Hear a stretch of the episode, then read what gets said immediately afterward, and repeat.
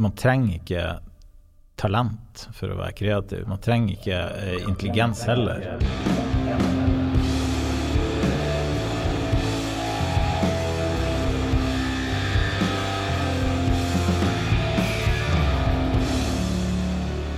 Hei. Dette er podkasten Skapelsesberetninger fra Bergen offentlige bibliotek. Mitt navn er Eivind Riise Hauge, og med meg har jeg Håvard Lergen. Denne podkasten eh, omhandler kreativitet og kreative menneskers skapende virke. Med oss i dag har vi eh, en gjest, eh, Håvard. Ja, og gjesten heter Tom Kosmo og er kunstner. Tom Kosmo er født i 1975 på Fauske og bor og virker i Bergen. Han er grafiker, men driver også med maleri, tegning, skulptur og i den siste tiden også installasjon. Han har en merittliste som er lang som ei ondt år.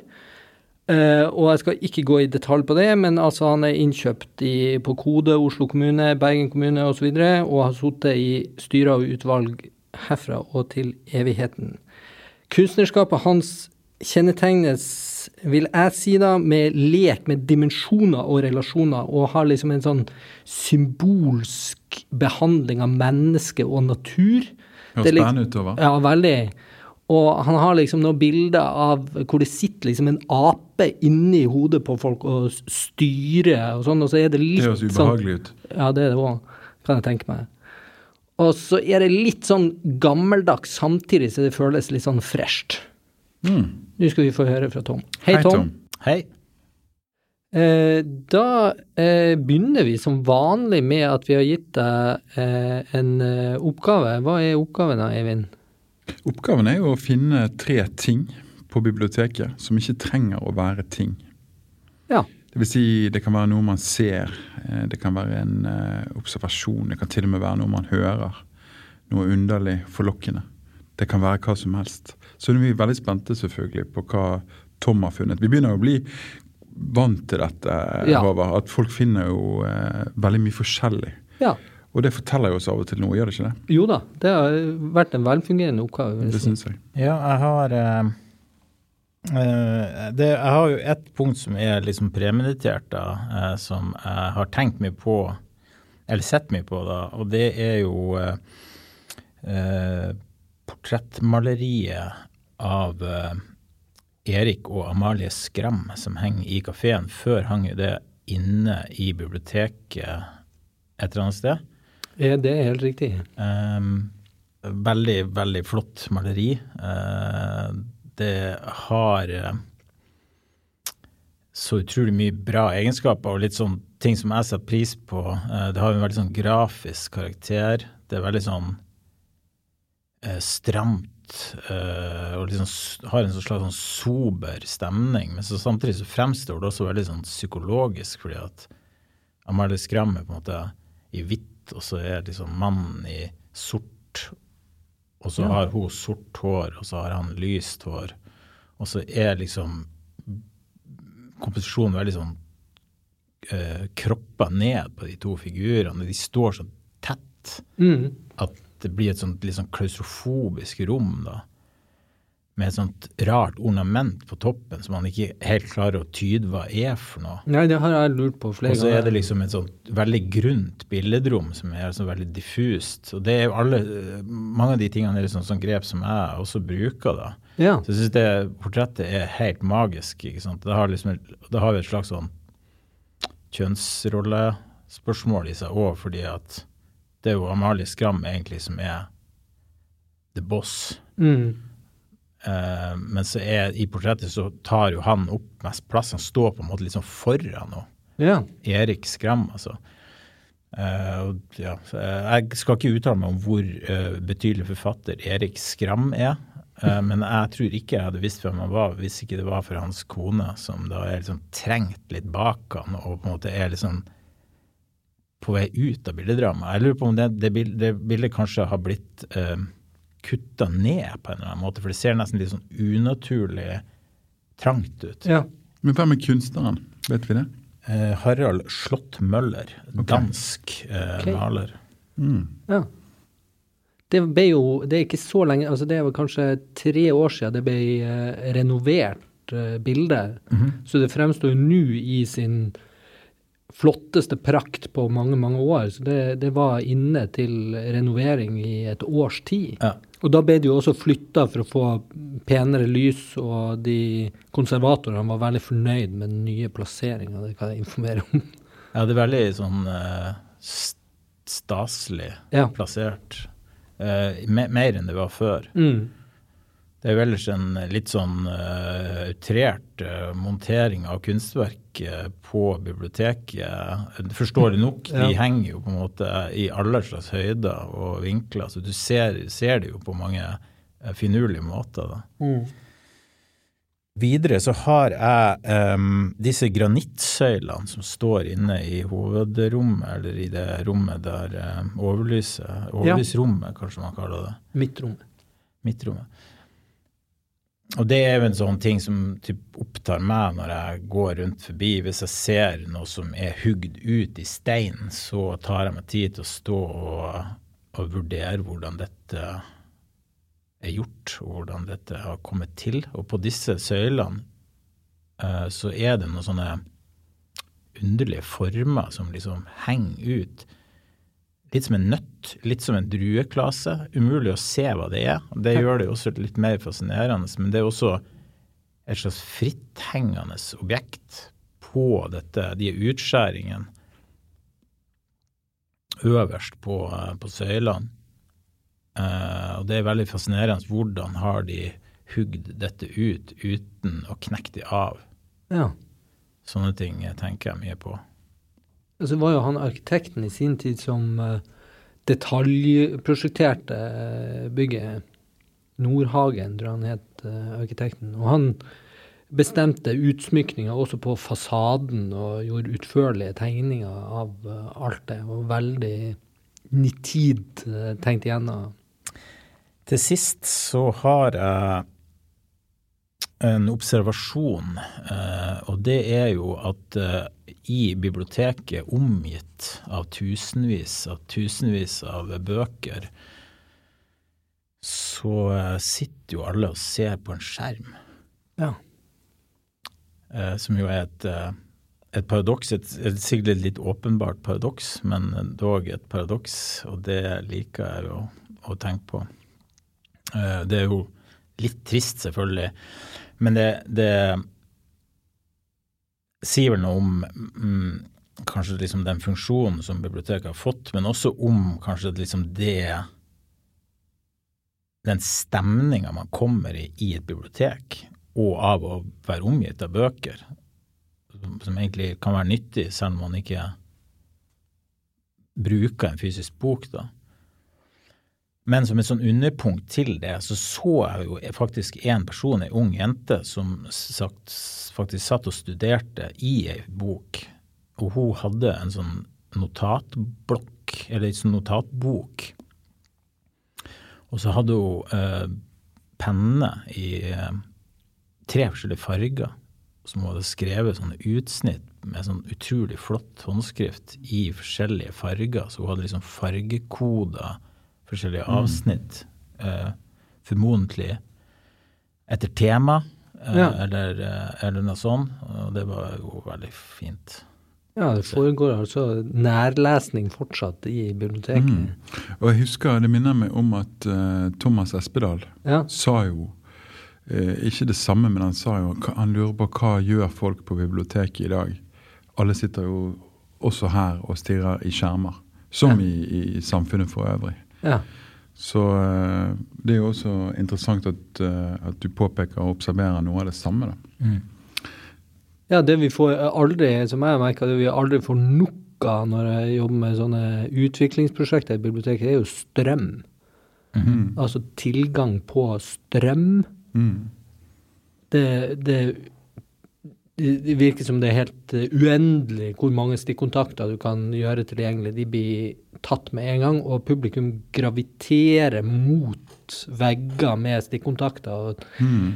drar med seg møbler for å få tilgang på den der eh, Det er jo nesten som en sånn navlestreng Bare vent til fremtiden, så får du, får du enda større problemer med å finne stikkontakter. Jeg lover. Det var et politisk utsagn. Men når den eh, led, eller liksom den eh, Hva heter det? Trådløse ladinga kommer? Eller, kom, eller rett og slett kommende, kommende energikrise. Sant? Å oh, Ja, det det er der. Ja. Eh, men bruker du eh, noen gang eh, biblioteket i sånn embetsmedfølg, da, Tom? Absolutt. Eh, jeg bruker en del bøker faktisk i kreativ prosess, men de er stort sett ikke lånt på biblioteket, Nei. må jeg innrømme. Men jeg låner bøker på biblioteket, det, det gjør jeg. Um, ellers er jo min hustru er jo en, en veldig ivrig eh, bibliotekbruker, Ja. hvis det er noe rettferdiggjørelse. Første liksom, brospørsmålet jeg har, er om eh, du inspireres av andre kunstformer enn din egen. Ja, både Ja, absolutt. Altså kanskje mer. Uh, både direkte og indirekte, da, fordi at uh, som de fleste så hører jeg jo veldig my- mye på musikk. Uh, som jo er ganske forløsende på mange plan, da. Eh, og det tror jeg jo egentlig er litt sånn universelt. da. Jeg er litt sånn usikker på hvordan det er for, fatt, for forfattere da, å høre på musikk. Det kan jeg jo eh, forestille meg kan være litt problematisk. I hvert fall med eh, tekster. Eller sang. Eh, Men det, det kan jeg jo bare kort si en ting om. da. Mm. At jeg eh, bruker musikk veldig aktivt. Jeg kan sitte og skrive med altså musikk virkelig dundrende på ørene. altså. med vokal også. Absolutt. Men, men eh, jeg, jeg er da Selv om jeg gjør det, så er jeg ikke aktivt lyttende, tror jeg. Eh, på en måte. Altså ikke veldig aktivt, i alle fall. Men hvis det er f.eks. en redigeringsprosess, så må musikken bort. Eller i alle fall tekst må bort. da. Så da kan man eventuelt høre på klassisk musikk, f.eks. Ja. Men i akkurat i den kreative prosessen, eller i den prosessen der du skaper det du skal skape, da, Mm. så er musikk eh, absolutt eh, veldig viktig. Ja, handler det om å på en måte isolere seg? Kanskje. Ja. Kanskje.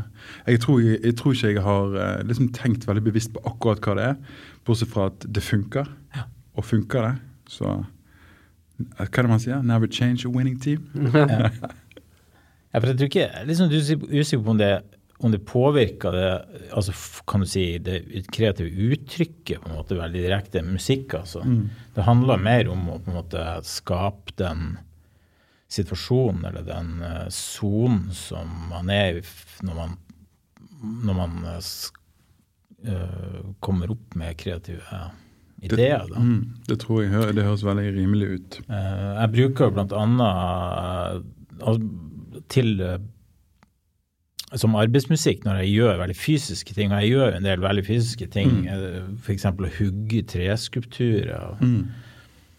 Og da må jeg ha metal, eh, for det, det er det som eh, motiverer eh, best. Men er det, er det den Er det skikkelig, skikkelig tung metall? Er det rask metall? Hva er det du må ha? på en måte? det er uh, mye relativt instrumentell Mm. uh, metal. Eh, og jeg hører en del på det som kalles for dronemetal. Det er ukjent for meg, det må du faktisk forklare. Så, ja, det er jo på en måte en sånn litt sånn ryt- rytmisk basert, litt sånn repetativ eh, eh, metal som er instrumentell som regel, i hvert fall, uh, og som på en måte bygger og bygger og bygger, eh, og som har veldig sånn høyt tempo og høy Altså som er veldig tight, da. Mm. Men det er veldig aggressivt, da. Ganske. Ja. Ja. Og så hører jeg på uh, en del sånn norsk metal og trash og en del av de der eh, mer klassiske tingene. Eh, men, så, men, men, men, eh, men, men når jeg skal gjøre kreative ting, eller, eller når, jeg skal, når jeg er på idéstadiet, eller og definitivt hvis jeg er nødt til å skrive noe, så er det jo på en måte helt uh, andre ting som gjelder. Og det kan ikke være eh, l- Da, så Det kan ikke være Det må være instrumentelt, og da, og da er det gjerne klassisk eller eh, nyklassisk, eller hva man skal kalle det, Philip Glass og, og de tingene der. Ja. Altså, det er jo én ting, men, men eh, sånn, estetisk sett så er jeg jo veldig opptatt av uh, film. Og jeg føler at jeg har mye uh, fra film, og at det er jo andre som har karakterisert en del av de verkene mine som et slags sånn stillbilde. Et slags filmatisk stillbilde. Altså fordi at du, du altså En ting er jo at det jeg gjør er veldig narrativt, men, men du aner på en måte at det er et slags noe som leder opp til det øyeblikket, og noe som fortsetter etter det øyeblikket som dette bildet representerer. da. Og det er jo en slags sånn antimodernistisk holdning, som der ø, verket på en måte skal være nok i seg sjøl, eller være et slags øhm, autonomt et punkt i tid og rom.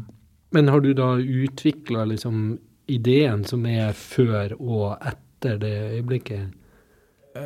Bare i den grad at eh, hele kan si, kunstnerskapet mitt er et slags univers som jeg på en måte forutsett er der, og som jeg gradvis belyser større og større deler av. Sånn at jeg ekspanderer på en måte på et sånt univers, da. Det var noe veldig fint sagt. Er det en fortelling? Nei, for det, jeg, jeg forutsetter bare at det er der. Men du vet ikke helt hva det er? Jeg vet ikke hva det er, og det er jo antageligvis ikke noe, men når jeg finner det opp, så fremstår det som en ny del av det samme universet. Det, er- det er selvfølgelig litt sånn for alle kreative utøvere. Det, det er jo en sammenheng i ting, men, men um, Du avdekker det lag for lag, på et vis? da. Ja, eller område for område, tenker jeg. Som om det liksom er et kart som ligger i mørket, og så kommer det liksom en lyskaster som liksom belyser et, et, en del av det kartet. Og, og det sånn fremstår jo noen av bildene også, som det- at du er inne i en sånn mørk skog, og så er det nesten som en sånn lyskaster som liksom belyser et eller annet sånn obskurt eh, fenomen da i, i det her landskapet. Det som ingen andre ser, på en måte. da. Er det, er, altså I dette kartet, går du til de deler av kartet der som ikke er tilgjengelig for andre? Går det an å se Nei, det er jo ikke tilgjengelig for andre, Nei, tenker jeg i utgangspunktet. For det er jo mitt, Ja. på en måte, eh, mitt eh, la oss si, psykologiske Ja. kart. da. Mhm. Men forstår jeg det riktig at altså, eh, du har f.eks. et eh, maleri av en hvor det sitter en bjørn eh, overfor en gutt utkledd som en bjørn, og gutten ser muligens død eller eh, sovende ut. Eh, så du har egentlig ikke gjort deg opp noen tanke om hvordan gutten havna der, eller hva som skjer etterpå? Nei, i liten grad. Ja. Eh, jeg har jo gjentagende karakterer som, som dukker opp i forskjellige verk. For eksempel er det jo ofte sånne klovdyr med en sånn bygning på ryggen. Mm. Eh, men, men det er ikke sånn at jeg har liksom satt det i en narrativ sammenheng. Uh, og det, det har jeg faktisk tenkt en del på. Og det er mulig at det er på en måte en sånn Det er jeg litt redd for. Fordi at det Det er mulig at det er en, en overskridelse eller en uh, forskuttering liksom av muligheter, da. Jeg har faktisk Jeg går faktisk med en slags sånn uh, idé om å lage en tegneserie som eh, utvikler dette universet, eller som sammenfatter det, og som på en måte lager et slags narrativ som binder de her forskjellige karakterene mer sammen. da. Eh, Men det er, også, det er også noe skremmende med det, fordi at eh, det er jo ikke narrativet som er, ligger til grunn. Det er jo Det er mer det at jeg fremkaller liksom de her scenene, og så vil på en måte forbindelsene mellom de danne seg sjøl, liksom i retrospekt, på en måte. ja. For det er jo betinga på estetiske estetiske valg, og ikke på narrative valg. Sant? Um, og det, det, det tar meg jo tilbake til det, det spørsmålet om andre mm, kunstformer. s- det her med tegneserier, for det er jo liksom noe som har betydd veldig mye for meg Mm. bestandig, og som jeg drev med før. Eh, jeg var liten, så tegna jeg mye tegneserier og sånt, sånt. Jeg var veldig opptatt av det, og det var på en måte det som danna egentlig min forståelse av det å uttrykke seg visuelt, da. Um, så, og som jeg har med meg, som jeg føler jeg har med meg. og Det er liksom litt av der, derfra den liksom narrative logikken i det jeg gjør, kommer fra. fordi at tegneserier har jo den egenskapen at de de, de utelukker jo på en måte like mye som de inkluderer. De bildene er jo veldig poengtert, men det er jo liksom utrolig mye tid som på en måte er kapsla inn i et bilde for å drive historien effektivt fremover i en tegneserie, så kan man jo forestille seg et enormt mengde med informasjon mellom de forskjellige eh, visuelle representasjonene. Så det er jo også noe jeg har med meg. Eh, Jeg kan ta opp tråden igjen på eh, narrativitet. Vi hadde en samtale en gang om liksom en teknisk narrativ, som jeg iallfall eh, hang meg veldig opp i. At når, du, når man betrakter billedkunst, så betrakter man jo også utførelsen som en slags eh, fortelling om hvordan det ble utført. Vil du si noe mer om det? Uh, ja, altså det er, vel, det er vel litt sånn det vi snakker om, det her med, med at, det er, at det noe er estetisk fundert, da, men det er fortsatt et narrativ. Uh, og det er jo på en måte liksom Men det er også det, dette med billedkunst og, og hva som er spesifikt for det mediet. Mm. Og, og det her, her kommer man igjen inn på det her med modernisme og hva de, altså den essensialistiske måten å se det altså billedkunstuttrykket på som et sånt helt statisk objekt som bare er materialene, og på en måte som eh, ikke har noe utstrekning i tid og rom eh, og som er på en måte bare sine egne virkemidler. Da.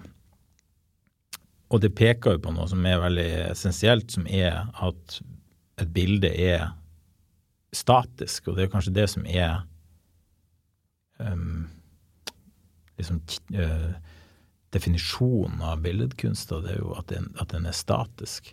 Ja. Og det er, ligger jo veldig mye i det som er veldig interessant, og som man prøver å utnytte.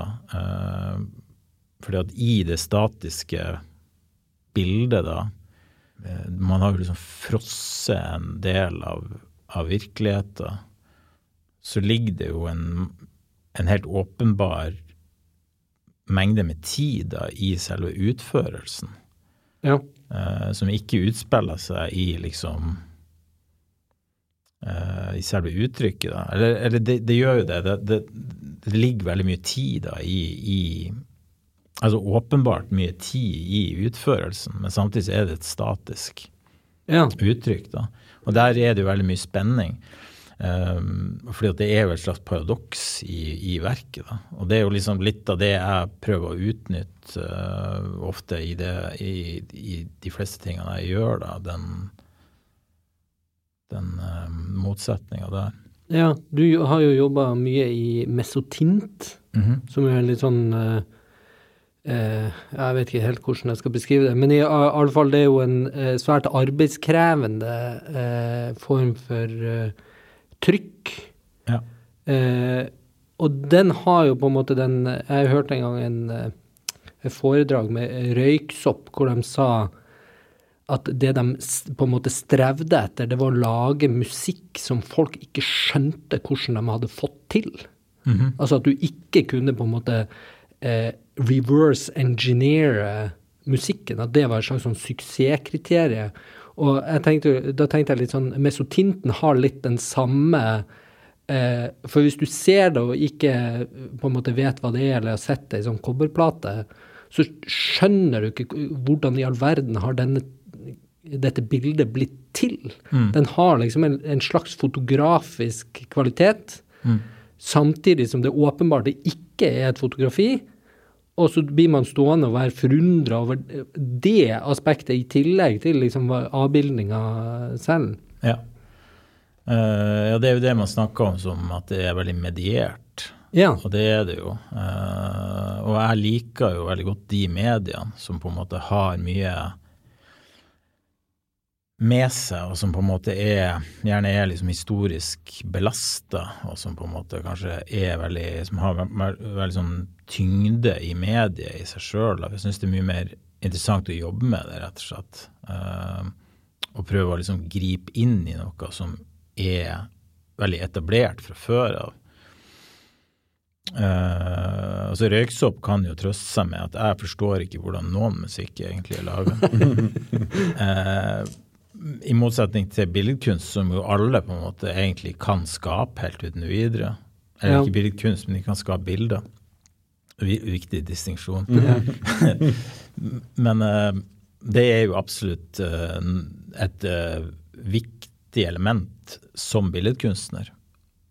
Jeg lever i en billedkultur ja. der bilder blir generert med uh, si, lysets hastighet, men i hvert fall med elekt eh, elektronets hastighet. Ja. Eh, og hva er det som gjør min prosess eh, viktig eller betydelig, eller i det hele tatt noe som evner å skille seg ut da, i mm. den strømmen av bilder. Og da er jo ett svar eh, at man eh, behersker på en måte fremgangsmåter og teknikker som, som, som skaper et bilde som er et objekt, da, som ikke mm. bare er et rent visuelt fenomen, da, som passerer gjennom på en måte den digitale flata, men som faktisk er et objekt. Og det er jo veldig tydelig i den mesotinteknikken, for du kan på en måte se at det er et, det er et objekt. Og det har liksom det der grafiske trekket at du, du ser at det på en måte er negativt, eller at det kommer ut av en, en enhet som er det vi kaller for matrisen, mm -hmm. altså trykkemediet.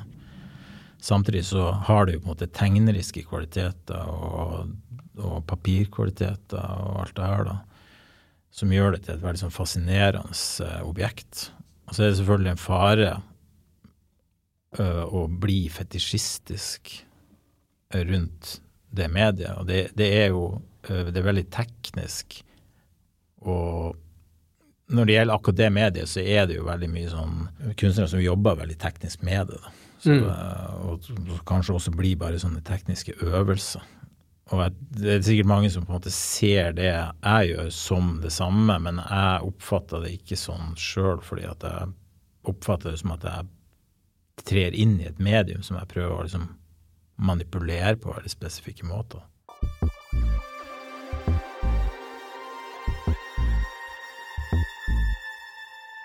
Kreativitet er jo for alle. Altså, ja. man trenger ikke talent for å være kreativ. Man trenger ikke eh, intelligens heller. Eh, I mange tilfellet så tenker jeg jo at intelligens kanskje på mange måter er i veien for kreativitet. Uh, det, det, er uavhengig av hvem du er, eller hvor du kommer ifra. Det er masse sånne forestillinger om kreativitet. Mm. Uh, men jeg tror også det er bakgrunnen for det her spørsmålet som man ofte møter. Hvorfor er ikke dette kunst, da? Ja. Som også har en connection til det, det du sa.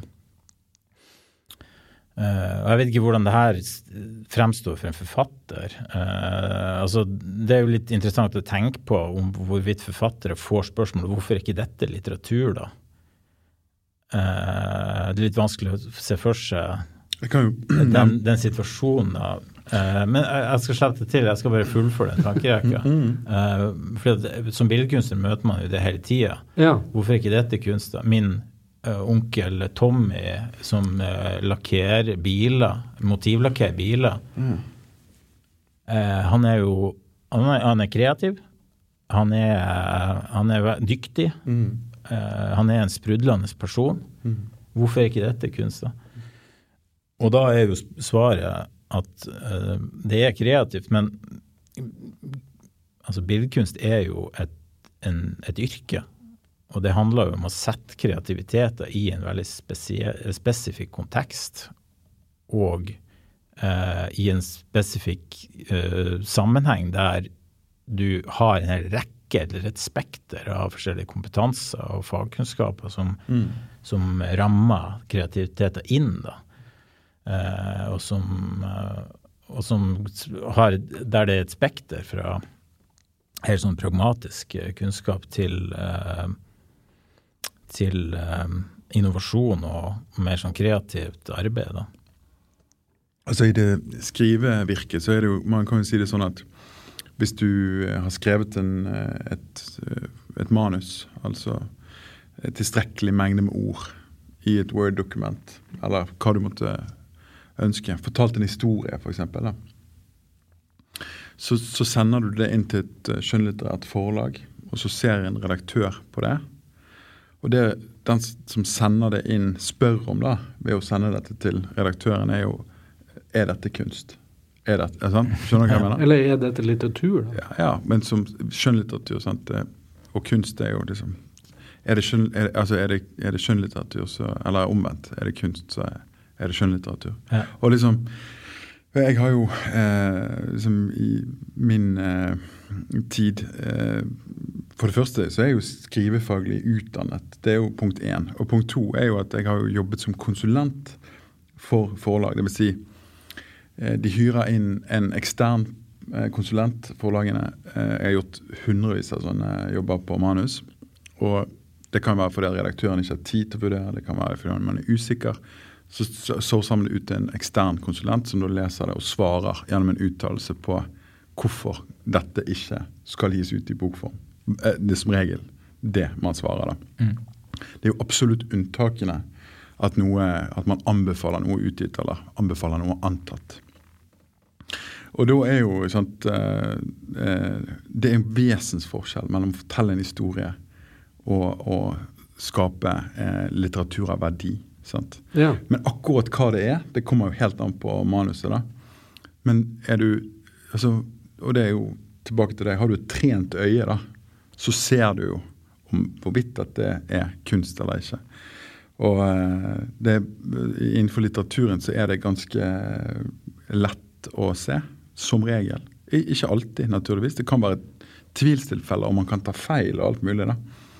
Men i de aller, aller fleste tilfeller så ser du jo med en gang. Du kan se det på første siden. Og det er rett og slett bare f.eks. språklig bevissthet. Språklig beherskelse. Det er mange som kan ha et godt uh, muntlig språk, mm. men som men i det øyeblikket du, uh, du måtte skrive det ned på papiret, så blir det knusktørt. Og dermed knitrer mellom fingrene og forsvinner. sant? så, men det der med et trent øye, sant? Altså onkel Tommy og sant? Det er jo, det er jo, det er jo et interessant spørsmål. sant? Eh, hvorfor er ikke det kunst? Og, og, jeg er ingen kunstkjenner, det vil jeg bare overdrive. Men jeg fortalte deg eh, tidligere i dag en, For 20 år siden så var jeg i Madrid, så eh, Guernica, Picasso. Ja. Og liksom jeg hadde sett dette bildet før, naturligvis. Tråkket på skuldrene, da. Liksom. Men, men når jeg sto overfor det, så var det jo ingen tvil. Mm. Sant? Og det apropos, da hadde du sett et foto av det. sant? Ja. Og det er ikke det samme. Men å forklare akkurat hva liksom, For det første, det er lenge siden at med hvilken opplevelse eh, det ga meg. Det, det, det er vanskelig å, å, liksom, å, knytte seg på eh, det, liksom, det emosjonelle sant? og hvem du var og alt mulig. Ja. Men, men, det var jo ikke tvil for meg likevel. Nei. Du blir jo slått i bakken? Eller? Nei, Forskjellen er vel litt som å se teaterstykket på TV. Altså, det, for oss som husker det. Eh, Fjernsynsteatret mm. Og det å se teaterstykket mm. eh, si, live, mm. som jo på en måte er en enorm Ja, det er ikke ment å eh, filtreres gjennom denne, eh, denne kassen. Sant? Enorm forskjell. Mm. Men det, det, det, akkurat det der med altså det er jo de distinksjonene Det er jo klart at billedkunstfeltet har jo det problemet at det har eierskap til kunstbegrepet.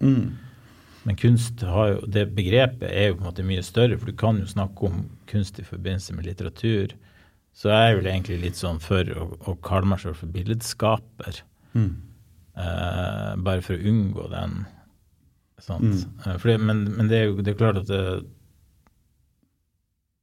når det gjelder litteratur, så er det jo litt annerledes fordi at du må kunne skape teksten fra null. Mm. Mm.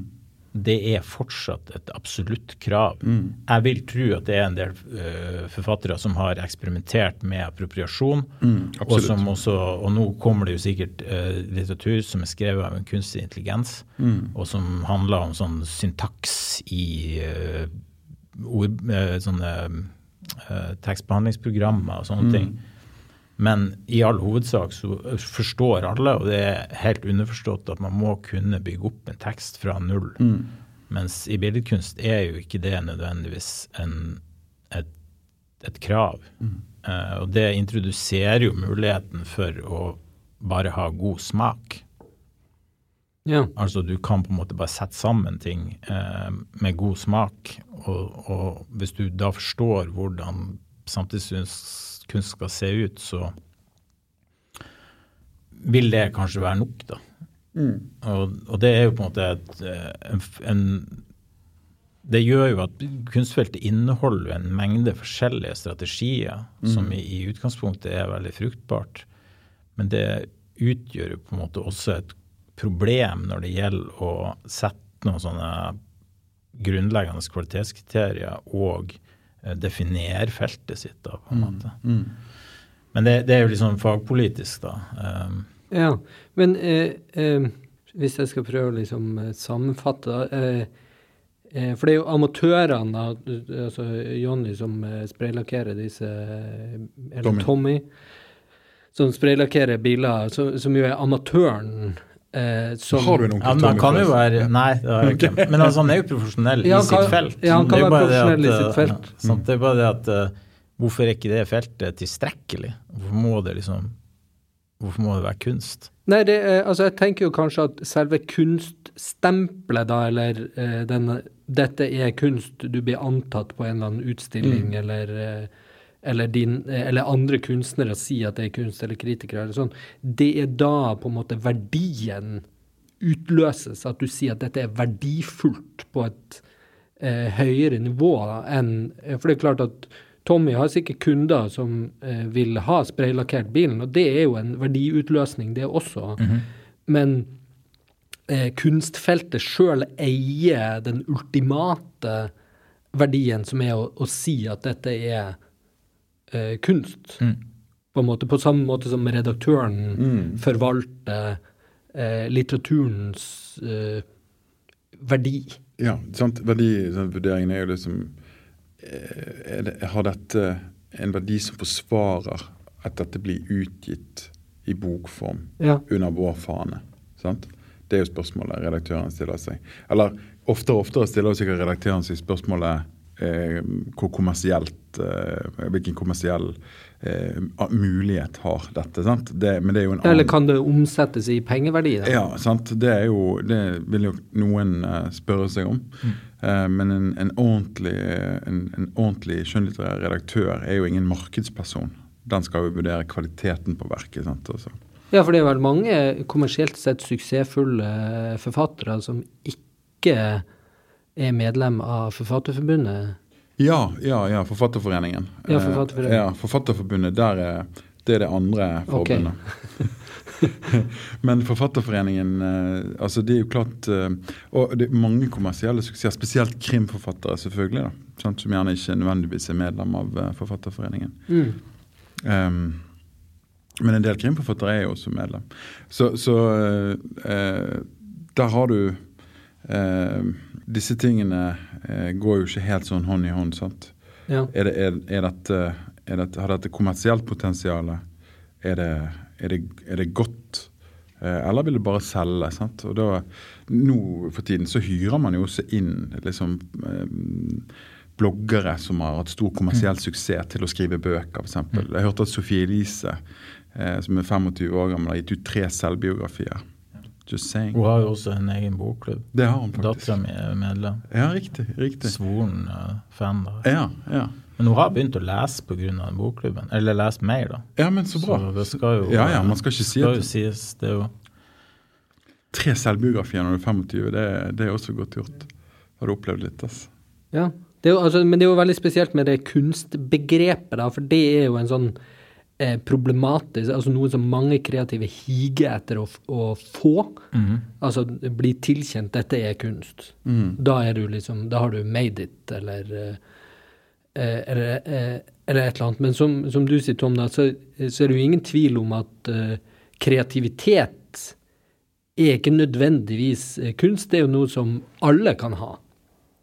Og alle kan uh, uttrykke eh, på en måte å realisere ulike former for verdi som ikke trenger å tilhøre kunsten, men likevel så har kunsten klart å liksom Ja. opprettholde en sånn eh, mytisk aura som eh, det, det ypperste. Det er vanskeligere og vanskeligere, vil jeg, vil jeg si. Og det, det er jo litt interessant eh, det du sier, Eivind, at eh,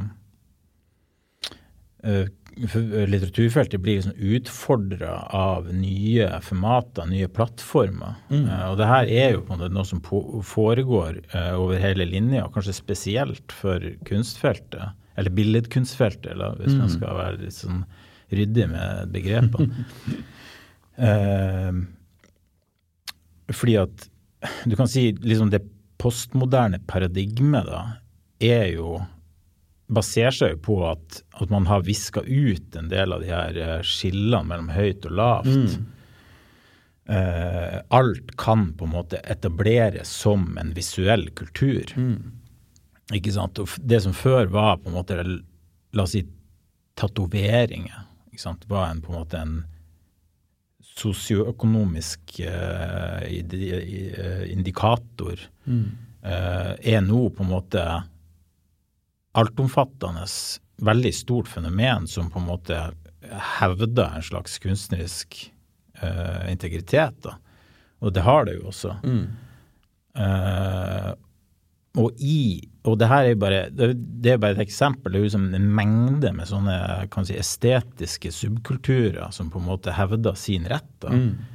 Mens billedkunstfeltet har jo, er jo en struktur i samfunnet som på en måte har enorme overføringer, og som har enorme, altså enorme økonomiske overføringer, og som sitter på en, et, eh, en infrastruktur med institusjoner og kunstsenter og en mengde sånne ressurser da, eh, som det må rettferdiggjøre. da. Eh, og Spørsmålet er liksom, hvem er ute, og hvem er inne? Og det er en veldig sånn underlig situasjon, ikke sant. Fordi at eh, har man egentlig nok offentlig eller en stor, stor, nok offentlig rolle og nok offentlig interesse til å forsvare dette monsteret i en moderne kultur som, som billedkunstfeltet utgjør. da. Så det eh, skal jo ikke jeg svare på, men det er jo litt interessant å, å tenke på. da. Ja. Jeg, skulle, jeg ønska jo nå at du skulle svare på det. Så jeg kunne vite det. Eh, Det vil jo være eh, en, eh, en brannfakkel å svare et ubetinga nei på det. Men eh, det, ja, det er jo et eh, Det er jo også et fagpolitisk spørsmål. Ja, vi skal la det ligge. For å eh, på en måte kanskje eh, bevege oss litt vekk fra kunst sånn spesifikt, så eh, selv om det i spørsmålet kanskje ikke høres ut som jeg gjør det, så eh, eh, lurer jeg litt på Men hvorfor er du kunstner? Det er jo eh, en betydelig kilde til eh, tvil og frustrasjon, det spørsmålet. okay, men og det tenker jeg er for alle. Altså har man noe å si, og hvem er jeg, Eh, hva slags kapasitet har jeg, Hvilken, eh, hvilket kollektivt intellektuelt materiale er det jeg kan eh, komme opp med, da? Mm. hvor allmenngyldig er det, og så videre. Og det er jo på en måte litt av det som er det her med den profesjonaliseringa eh, som er en, noe som du på en måte bare må finne en, en vei i. Og det, det, det, man unngår jo det spørsmålet, for det er jo rett og slett ikke noe svar på det. Og det, og det er jo liksom et, et spørsmål om en sånn grunnleggende eh, tillit til at det man har, er godt nok, eller liksom er, er verdifullt, da. Men er det en slags eh, Altså, det er jo mange som kaller eh, det å tre inn i kunsten som et kall. Ja, nei, det, det, det kan jeg ikke forholde meg til. Er det en drift? Det er absolutt en drift. Ja. Ja. Altså, det er jo det som er motivasjonen.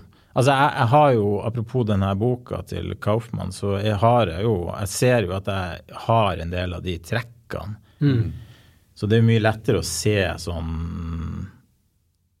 liksom arv og miljømessig på det. Men kunne du ha havna i en annen kreativ bransje? Jeg tror jo det. Jeg tenker jo at jeg kunne um, Altså, det er jo egentlig to liksom sånne motsetninger som, som bor i meg, og som kanskje er egentlig hele bakgrunnen for kunstnerskapet mitt, eller for de valgene som har ført meg til det yrket, da. Eh, for jeg kommer jo fra en sånn arbeiderbakgrunn.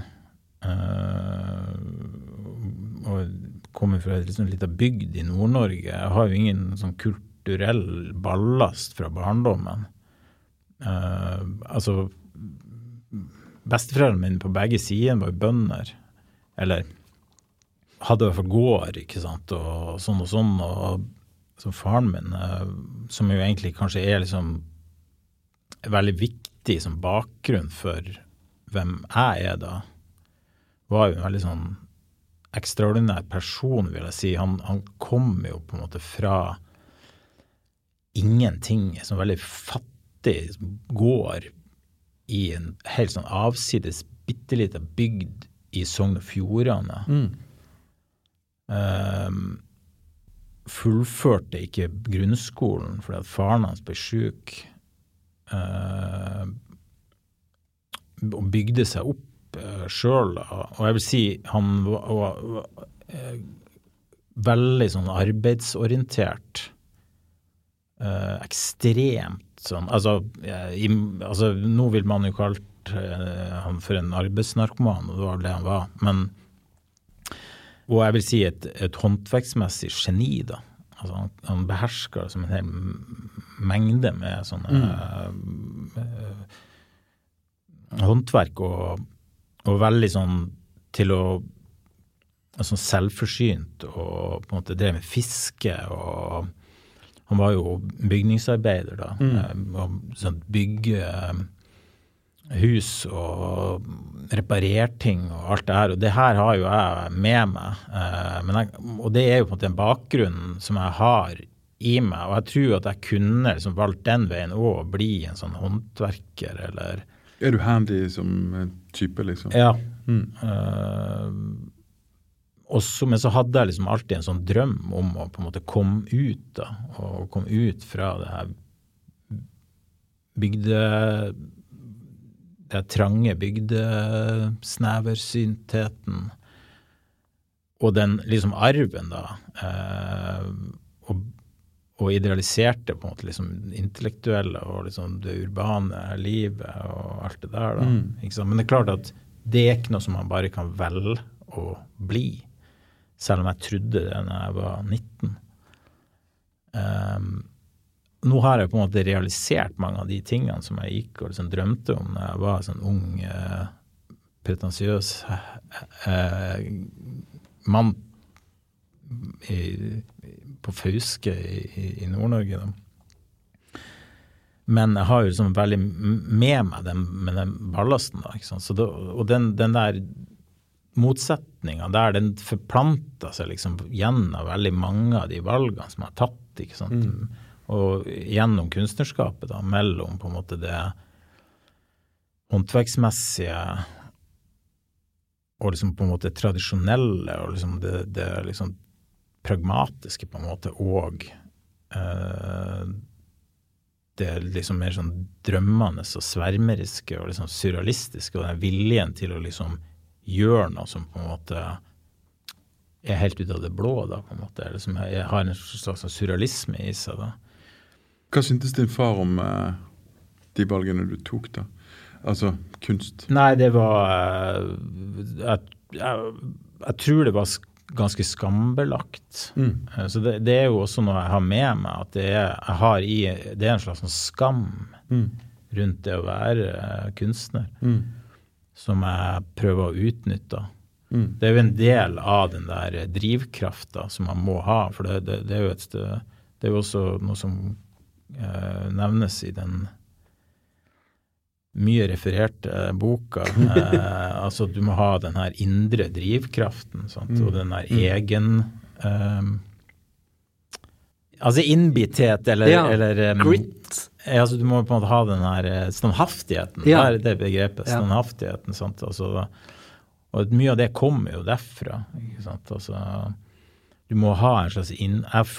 For meg har det i hvert fall alltid vært åpenbart at man må ha en slags sånn indre motsetning og en slags vilje til den her masochismen som på en måte ligger i det å på en måte fortsette um, å bevege seg og anerkjenne at man liksom ikke aldri kommer frem, og at man på en måte er i et sånn marginalisert felt og økonomisk eh, nødsituasjon og Altså motstand, da. Ja, På en måte. sant. Mm. Ja. Motstand. Ja, så, så det, var, det var jo noe som Altså, det var jo en, eh, absolutt en uttalt antiintellektualisme. Mm.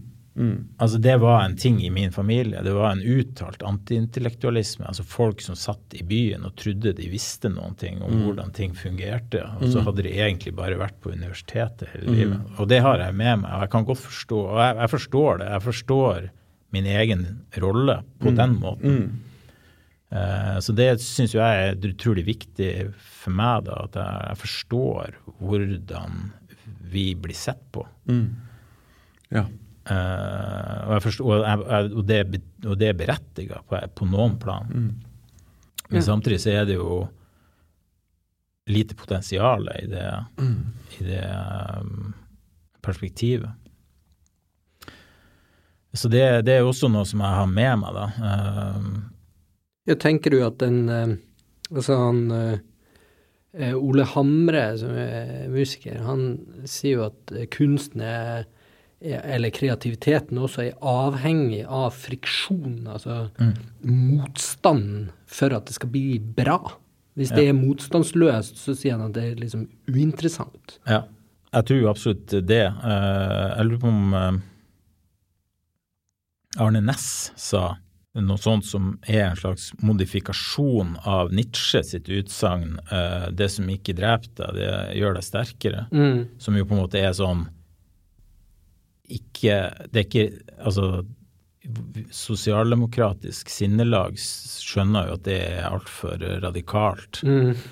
Fordi at uh, du vil ikke ha for mye motstand. Altså du vil ikke bli ødelagt da, men Arne Næss sa noe i retning av at det som Altså at du trenger akkurat nok motstand, akkurat nok problemer, akkurat nok traumer da, på en måte, til at du ikke blir ødelagt, men at du eh, blir tvunget til å eh, ta et Altså til å bevege deg opp på et nytt nivå. da. Ja. Der, du har en sånn amerikansk psykolog som jeg ikke husker navnet på nå, men han mener jo at eh, mennesket er, er skapt for en form for vekst, og at man trives best i en sånn optimal balanse mellom ambisjon og eh, manglende evne. Da. Altså at du, du må være i, et, i en sone hvor du egentlig er på grensen av inkompetent. At det er der den eh, eh, mennesket egentlig trives best, selv om det er ubehagelig. Men, eh, eh, men det er hans definisjon på, på en slags hvor det kreative feltet ligger hen, og hvor også lykken til en viss grad eh, finnes. Ja, men jeg, jeg tror det er et, et perspektiv fra en sånn personlighetstype. Ja. som, som vi kan identifisere oss med. ja. Så jeg tror kanskje ikke det er så allmenngyldig. Uh, Kaufmann snakka om det her med disintegrering. Ja. Uh, det at man må gjennom en fase av liksom oppløsning for å nå et nytt nivå. Eh, for å utvide eh, potensialet sitt til å løse mer komplekse problemstillinger. Fordi at den du er, og det, du, den, det rammeverket du har skapt, er ikke stort nok eller komplekst nok til å, skape, nei, til å løse et mer komplekst problem. Ja. Så du må gjennom en fase av nedbrytning for å, å kunne omfavne liksom en mer kompleks problemstilling.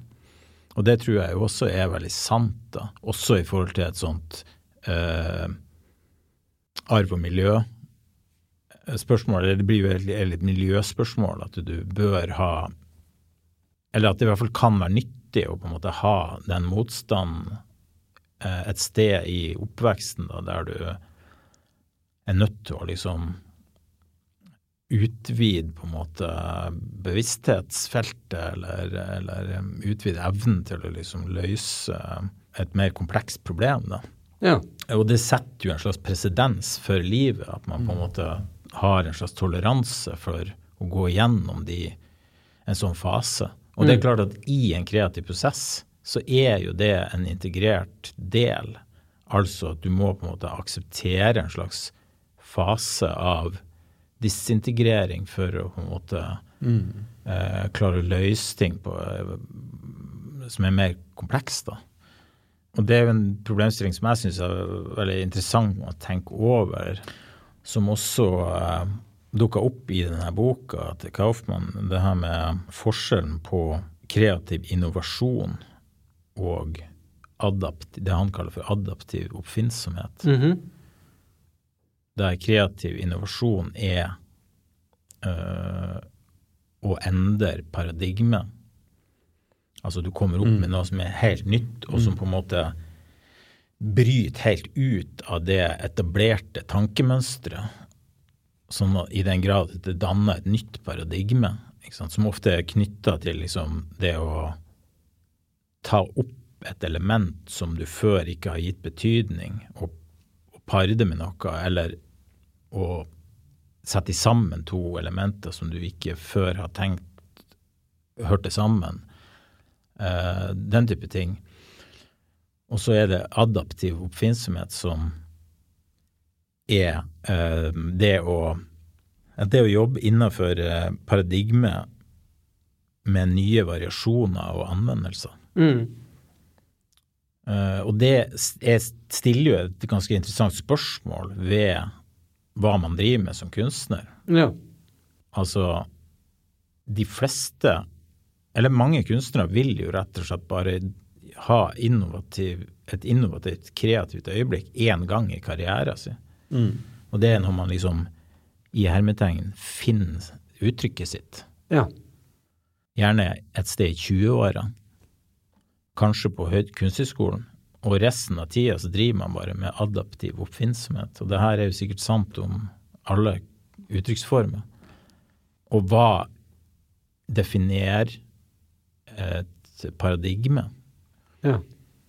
Altså, de aller fleste vil jo liksom ikke forandre på en måte kunsthistorien. Nei. Men jeg tenker jo at man må kunne sette opp et slags paradigme som er som man sjøl opererer i. Ja, om ikke annet personlig, liksom. Ja. Og hva, hva gjør man for å på en måte bryte med det paradigmet?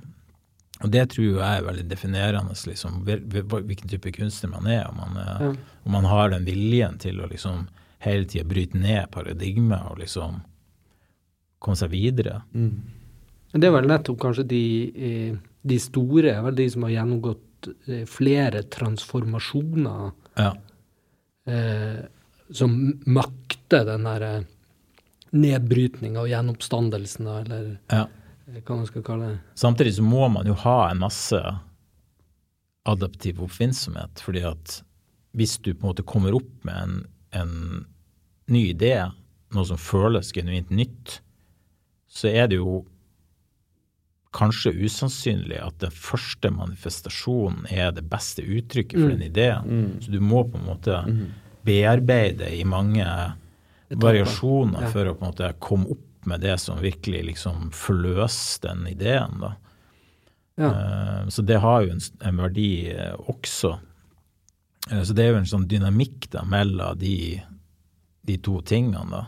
Ja, altså I produktutvikling så snakker man jo om iterasjoner og prototyper. Og, altså hvor du, du gjør først en idémessig gjennombrudd, men så tester du ut mange varianter av som løser dette problemet med ulik basis i den i banebrytende ideen, eller eh, sånn. Det er jo helt det er jo en del av den såkalte innovasjonsprosessen, er å gjøre det. Mm.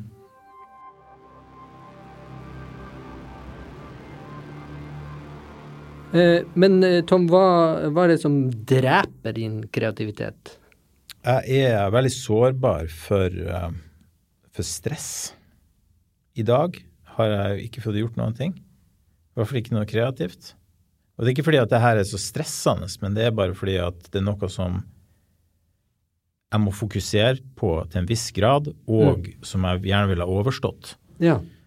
Ikke fordi at jeg gruer meg, eller noe sånt, men, men det er et spenningsmoment, og det er, er ikke Det tar opp for mye Det tar for kapasitet. mye kapasitet. Og også sånn liksom konflikter og Kanskje hvis man har liksom krangla med, med, med noen i familien, eller Så eh, da er det helt eh, Det er helt kjørt. Det går ikke. Har Så du, jeg er veldig sånn at jeg hegner veldig om den, eh, den, den arbeidssituasjonen. Da. Og så har jeg masse sånne riter der jeg på en måte passerer, som jeg passerer for å på en måte komme Altså for å isolere den arbeidssituasjonen. Så jeg er jo absolutt ikke en sånn som kan sitte og ha en prosess på en kafé eller på gata, liksom, eller eh, nei. når jeg er i en annen situasjon. Jeg må på en måte skape den sonen for meg sjøl. Ja, hvordan gjør du det? Nei, en ting er jo stedet og alle de fasilitetene som jeg, jeg har der. Det er jo mer som et verksted, vil jeg si, enn en et atelier, sånn som man kanskje tenker det for seg. Det er jo et produksjonssted. da. Men jeg, jeg er jo uniformert. Altså jeg, Ikke det at det er en uniform, men jeg, jeg, jeg tar av meg det sivile tøyet, og så tar jeg på meg det jeg tenker på som uniformen, og det er da Det har jo da blitt mer og mer spesifikt med litt prøving og feiling, og det er da svart lagerbukse, eh, svart T-skjorte, og så har jeg en svart genser som jeg kan ta over, men som jeg sjelden bruker, fordi at jeg tenker at hvis jeg fryser når jeg har T-skjorta på, så er det fordi at jeg ikke jobber med noe. Eh, eller at jeg ikke er fokusert nok. Men de, og det her er det som da griser helt ned med maling og støv og lim og sånt. Og det stinker litt. Og det må jeg ha på meg. Og det er faktisk blitt eh, Altså, det er så innarbeida at jeg nå eh, Jeg kobler egentlig av hele det kreative tankesettet på en måte Når du går sivilt? når jeg kler av meg de klærne. Ja. Jeg er i hvert fall ikke forberedt på at jeg skal gjøre noe av verdi i, i, når de, altså, i forhold til arbeidet. Jeg håper jo ikke at jeg er fullstendig eh, konvensjonell eh, resten av tida, men ikke sant? jeg tenker i hvert fall ikke på det som en fruktbar um, Altså, jeg, jeg kommer jo opp med ideer og sånt når jeg ligger Jeg har lagt meg om kvelden og liksom ligger og stirrer ut i mørket, kanskje så hender det seg jo at man kommer på ting da, sånt da, men, men, men det, det er veldig knytta til det å være i den uniformen. da.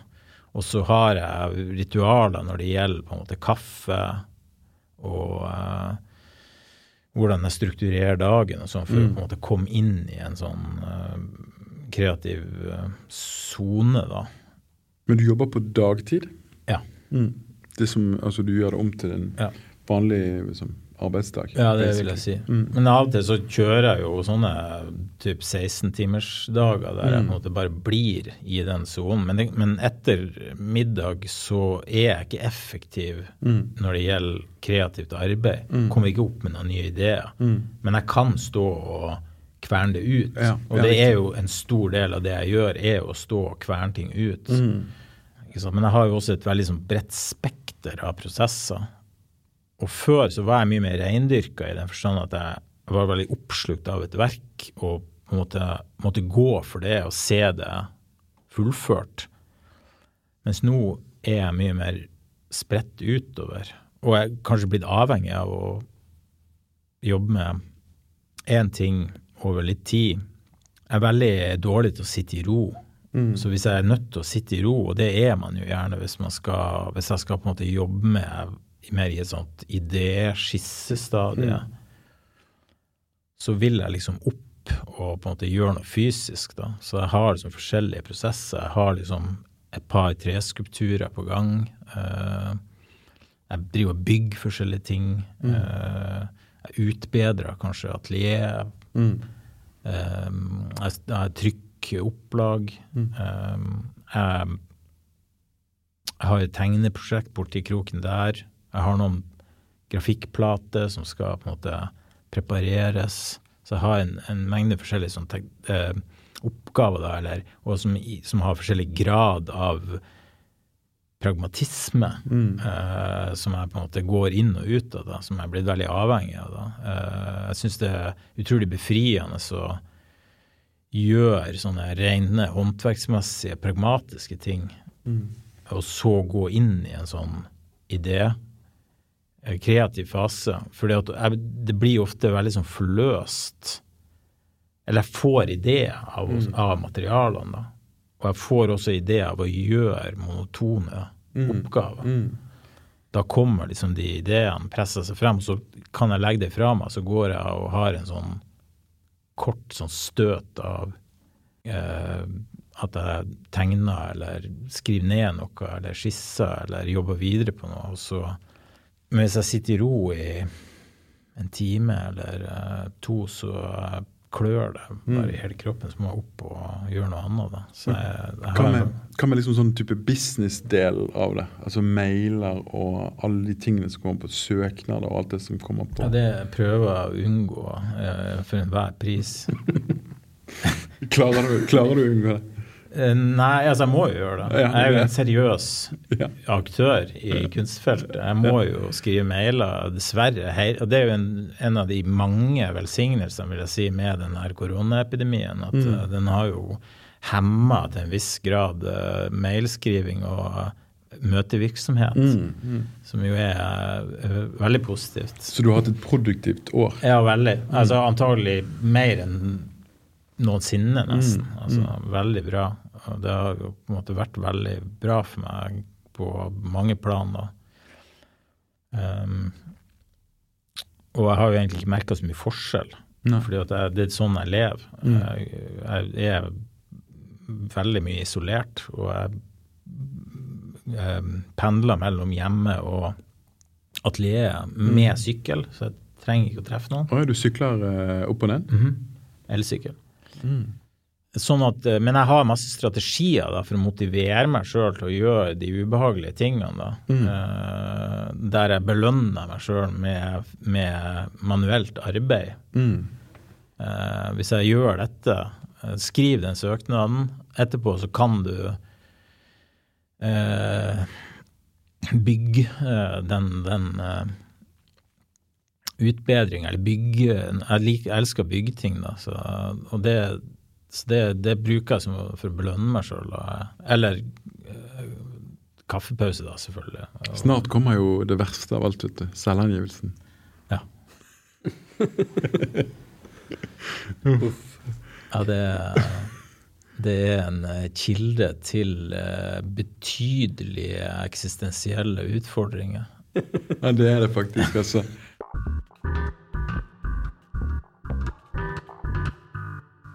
Det er jo en bevegelse. Jeg kjenner jo det kunstnerskapet eh, ganske godt. Eh, og det har jo vært en bevegelse i ditt kunstnerskap som, eh, hvor du både liksom har beveget deg i eh, medium, som vi jo har, har, vært inne på, men også i, i uttrykk. Altså at det, eh, det, det, er kanskje mindre av eh, det nostalgiske i, i uttrykk, og mer av, av liksom mer det åpenbart moderne klær og, mm. eh, og sånt. Og du driver tydeligvis og utfordrer deg sjøl, som vi har, også har snakka om. Men hvis du virkelig skulle prøvd uh, noe nytt, og alt var mulig, du har alle ressurser i hele verden, mm -hmm. Uh, hva ville du ha, ha, valgt? Altså Det der med alle ressurser i verden er jo problematisk, fordi at uh, det, er, det, er, sånn, det måten jeg tenker på, er veldig fundert i hva jeg kan gjøre. Ja. Én til én. Jeg er veldig sånn opptatt av autonomi og uavhengighet, sånn at min forestillingsevne når det gjelder prosjekter, overskrider aldri min egen evne til å produsere det. Ja. Det kan jo sikkert ses på som en uh, svakhet, men, uh, men Så det er, betyr det at det er selve rammen som er utløsende, en utløsende faktor da, i forhold til uh, prosjektet? Ja, eller det er kanskje bare blitt det som er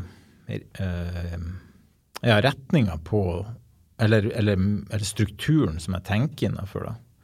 Men, men, det er klart at det er jo i seg sjøl et sånn paradigmeskifte, da, å skulle på en måte ekspandere ut over det. Mm.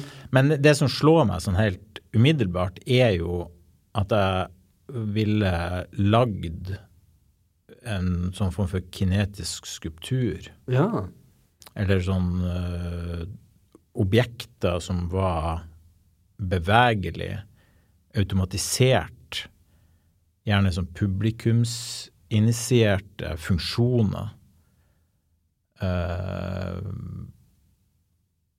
som skulptur. Eh, det er jo et felt som jeg, synes, som jeg tror at jeg kunne gjort utrolig mye interessant i, i et sånn parallelt univers. Og det er jo selvfølgelig skalerbart til en hvilken som helst ambisjonsnivå. Hvis ja. man har folk og ressurser, så kan man jo ta det hvor langt som helst. da. Men der er det jo en veldig sånn forlokkende uh, simplisitet da, som jeg vet at jeg liksom har i meg til å gjøre. Altså mekanismer. Uh, og hele den måte, humoren og det uttrykket i en sånn her funksjonalitet som ikke har noen funksjon. Og sånn uh, estetikk som følger funksjon tenkning, og det mm. å være liksom befridd fra det der estetiske og narrative elementet, da. Eh, som, det er noe der som er veldig forlokkende, da. Eh, men Tom, hva er det du sånn helt aller siste tingen, hva er det du jobber med nå? Eh, nå har jeg faktisk akkurat vært i eh, Ålesund og montert mitt bidrag til Vestlandsutstillingen på Jugendstilmuseet. Ja. Og det er en installasjon, eller et slags tablå, som består av um, ei veggtegning som er montert trykk og skulpturer over. Og eh, dette skal da gjenoppstå på hvert utstillingssted Vestlandsutstillinga flytta seg jo eh, mellom forskjellige kommuner i, på Vestlandet. Så jeg skal dra rundt og gjøre en ny sånn veggtegning til en spesifikk vegg. Eller et spesifikt rom og et spesifikt sted. Som blir en slags ny manifestasjon av på en måte liksom det samme verket, da. Og så har jeg utstilling på det som heter for Kåk i Ålesund mm -hmm. senere i år. I oktober, hvis jeg husker feil. Der jeg skal vise uh, mye nytt og spennende. Kult. Tusen takk for at du kom, Tom. Takk skal du ha. Ja, tusen takk. Veldig hyggelig. Det var det. Blir det her sånn her after credit-scene? Vi får se. Kan jo ha han i, eh, han i introen for all del. Ja, vi, altså, vi, vi får se. Vi er åpne. Hva- Hva er historien? Ja, det det er er det, det vi er. lurer på nå. Ja, nei, altså Ja, det var jo eh, d- Scenen var jo din leilighet, tydeligvis. Uh, Nachspiel. Uh, Type 2010-11, et eller annet sånt? Ja, et eller annet sted. Kanskje tidligere til og med òg. vi hadde jo atelierfellesskap rett over gata. Ja. Isotop. Rikt, ja, stemmer det. For Ja. vi bodde jo da i Forsvinkels gate, som det het. Ja. Og vår felles bekjente Henning Bergsvåg, jeg tror det var han som var katalysator Ja. for at jeg var på det nachspielet. Høres rimelig ut. Og så satt vi og snakka sammen. eh, og det jeg husker, da Det her er jo selvfølgelig i en sånn eh, alkoholtåke, eh, eh, da, eh, til en viss grad. Men, men jeg husker at du snakka mye om en roman som du skulle skrive, eller som du hadde skrevet, eller som du, som du eh, i hvert fall tenkte på, som, som handla om eh, den, altså at du måtte leve deg inn i den absolutte ondskap, Ja. eller noe sånt. Og hvor belastende det var. Stem- Stemmer det? Det stemmer. Det stemmer nok.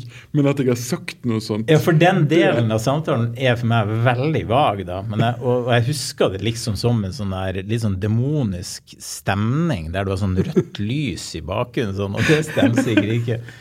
Men det var ikke det som var, som var sitatet mitt. Ok, ja. For at, uh, jeg spurte deg, og det var jo litt sånn rar ting, litt sånn intervjuaktig Ja. del av en samtale som sikkert var klokka tre på natta i- på et nachspiel.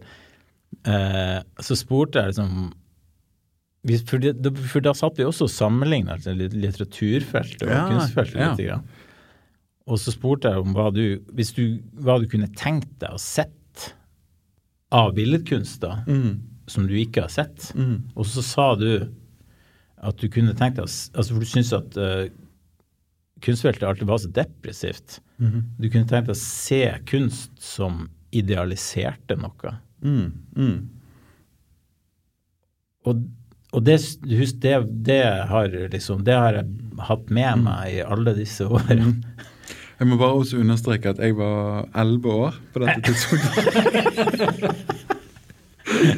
men det var jo fint det var jo fint sagt, da. Ja, det var det. Ja. Og det, det har jeg tenkt mye på. Men jeg har jo selvfølgelig ikke eh, gjort noe med det. jeg vil ikke si at jeg idealiserer noen, i hvert fall ikke på en sånn Mm. eksplisitt måte. Mm, mm. Men det syns jeg var et veldig sånn potensiell, eller potent perspektiv fra noen utenfor feltet Mm, mm. som kanskje har på en Mm. måte um, den intellektuelle og kunstneriske kapasiteten til å liksom bedømme det. da. Det var jo tydeligvis eh, litt av en eh, natt, dette her. Ja. For den, absolutte ondskap, og jeg vil se kunst som idealiserer noe. Ja. Men jeg kjenner meg igjen i, i, i begge sitatene. Ja. Og det, jo, og det er jo også veldig interessant, syns jeg, det å bli Å møte den du var for 10-11 år siden, og, og eh, hvor mye du antageligvis har grunnet over det du arbeidet med den gangen. Mm. Som i det øyeblikket jeg forlater det, så forlater jeg det. Sant? Altså Men ble det til den, nå? den romanen er gitt ut, ja. Den fins. Ja. Det er den romanen. Ja, kom i 2012. Ja, ok. Ja, det skal jeg lese. Så det er bare- helt sikkert, Vi har helt sikkert snakket sammen om dette Ja. i Jeg må absolutt lese den. Er den så forferdelig som den høres ut? Nei, for man, man når jo aldri det Altså, det, det, intensjonen og ideen og tanken, liksom. Det nedfeller seg jo aldri helt på Hvilken papir. roman er dette? Samuels bok 2012. Kan lånes på biblioteket. men, det som er, men det er veldig, det er veldig eh, interessant. Og liksom et møte med seg sjøl fra en annen. da, sant? Få høre hva man har sagt i Ja, ja, i ja. en eller annen eh, en eller annen setting. Og liksom Jeg, har jeg hevder jo ofte f.eks. at eh, eh, meg i dag og meg når jeg var 25, f.eks. da, eh, Og den gangen der så var jeg nærmere 25 enn jeg er nå. Eh, og eh, liksom at jeg, at jeg tror at jeg på mange måter er en annen. Man snakker i psykologien at det finnes grunntrekk. sant? Er du introvert, ekstrovert? sant? Sånne ting Ja. som liksom er permanente da, Ja. ved din personlighet. Men også liv og erfaringer endrer jo denne personligheten. sant? Gradvis. sant? Du bygger, eller noe rives, bort uh, underveis. eller sant? Begge deler er, er mulig. da. Og at personlighet er ganske plastisk, eh, etter mitt syn. Ja. Men jeg tror kanskje personlighet er mer plastisk eh, Altså på en måte at kreativitet sånn sett fordrer en eh, mer plastisk personlighet Ja. Ja. enn Det, det Ja. tror jeg er riktig. Og jeg skal bare si én ting til om det. Og det er at eh, Vi var så vidt inne på det. og eh, Så for meg eh, eh, For min del rent sånn arbeidsmessig Jeg vil jo alltid gå dypt inn i noe, gjøre den jobben, og så forlate det. Mm. Og så vil jeg skrive noe det vet jeg har sagt til deg før, det neste jeg skriver, jeg vil være helt ugjenkjennelig. på en måte. Ja, okay. Hvis jeg kan Ja, okay. i det jeg skal. Det er umulig, men det er målet. Ja. eh, for å si det sånn. Eh, Nå avbrøt jeg deg, eh, Tom. Ja, for uh, internettguru Jordan Peterson, han Mm. snakka jo litt om det her med liksom, um, personlighetstrekk. Eh, og personer som er høy på å liksom, trekke åpenhet, Mm. er liksom liberale og kreative, da. Mm. Ja. Um, og det har den fordelen at det, det, du har en fleksibel personlighet, og du har et, et kreativt potensial. Og så har du ehm, ehm, mer sånn konservative personlighetstyper som er høy på trekket samvittighetsfullhet, Mm. blant annet. da. Eh, men fordelen er at du har mye lettere for å forme en identitet. Mm. ja. Eh, sånn at eh, i ytterste konsekvens, hvis du er ekstremt høy på åpenhet, så vil du få problemer med å liksom faktisk danne en, en, en kraftig eller en sterk identitet. Da. Mm. Mm. Eh, som jo selvfølgelig er et problem hvis du opplever eh, ubehagelige ting Mm. og omskiftninger i livet osv. Så. Mm. Mm. så det er jo litt uh, interessant. Da. Jeg tenker jo at det er en slags mm, motsetningspar i kunstnerskapet mitt òg, det her med det konservative og det nyskapende. Mm. At det på en måte er noe som man har med seg, da, eh, og at det er et spenn. da, at man, fordi at man bygger jo på det som er gjort før. Mm. Og hvis ikke du kjenner det, eller hvis du kjenner det bare på en sånn her overfladisk Mm, måte, mm. så har du ingenting. Mm. Du kan ikke komme noen vei. Det går ikke an å Mm. Du kan ikke skape noe nytt ved å være ignorant Nei, nei. i forhold til det som har vært. Nei. Og så jo må du, men samtidig så må du ha viljen til å liksom tre ut av det. mm. Så det, den dynamikken er jo veldig sentral. da. Det tror jeg Altså, det, det høres jo eh, veldig sant ut. da. Du kan ikke skape noe nytt for å være ignorant og ubevisst. sant? Det, det går liksom ikke. sant? Det meste er jo gjort før. sant? Mm. Det, det må man jo være klar over. sant? Det er litt av grunnen til at uh, Tommy kanskje ikke er en kunstner. Mm.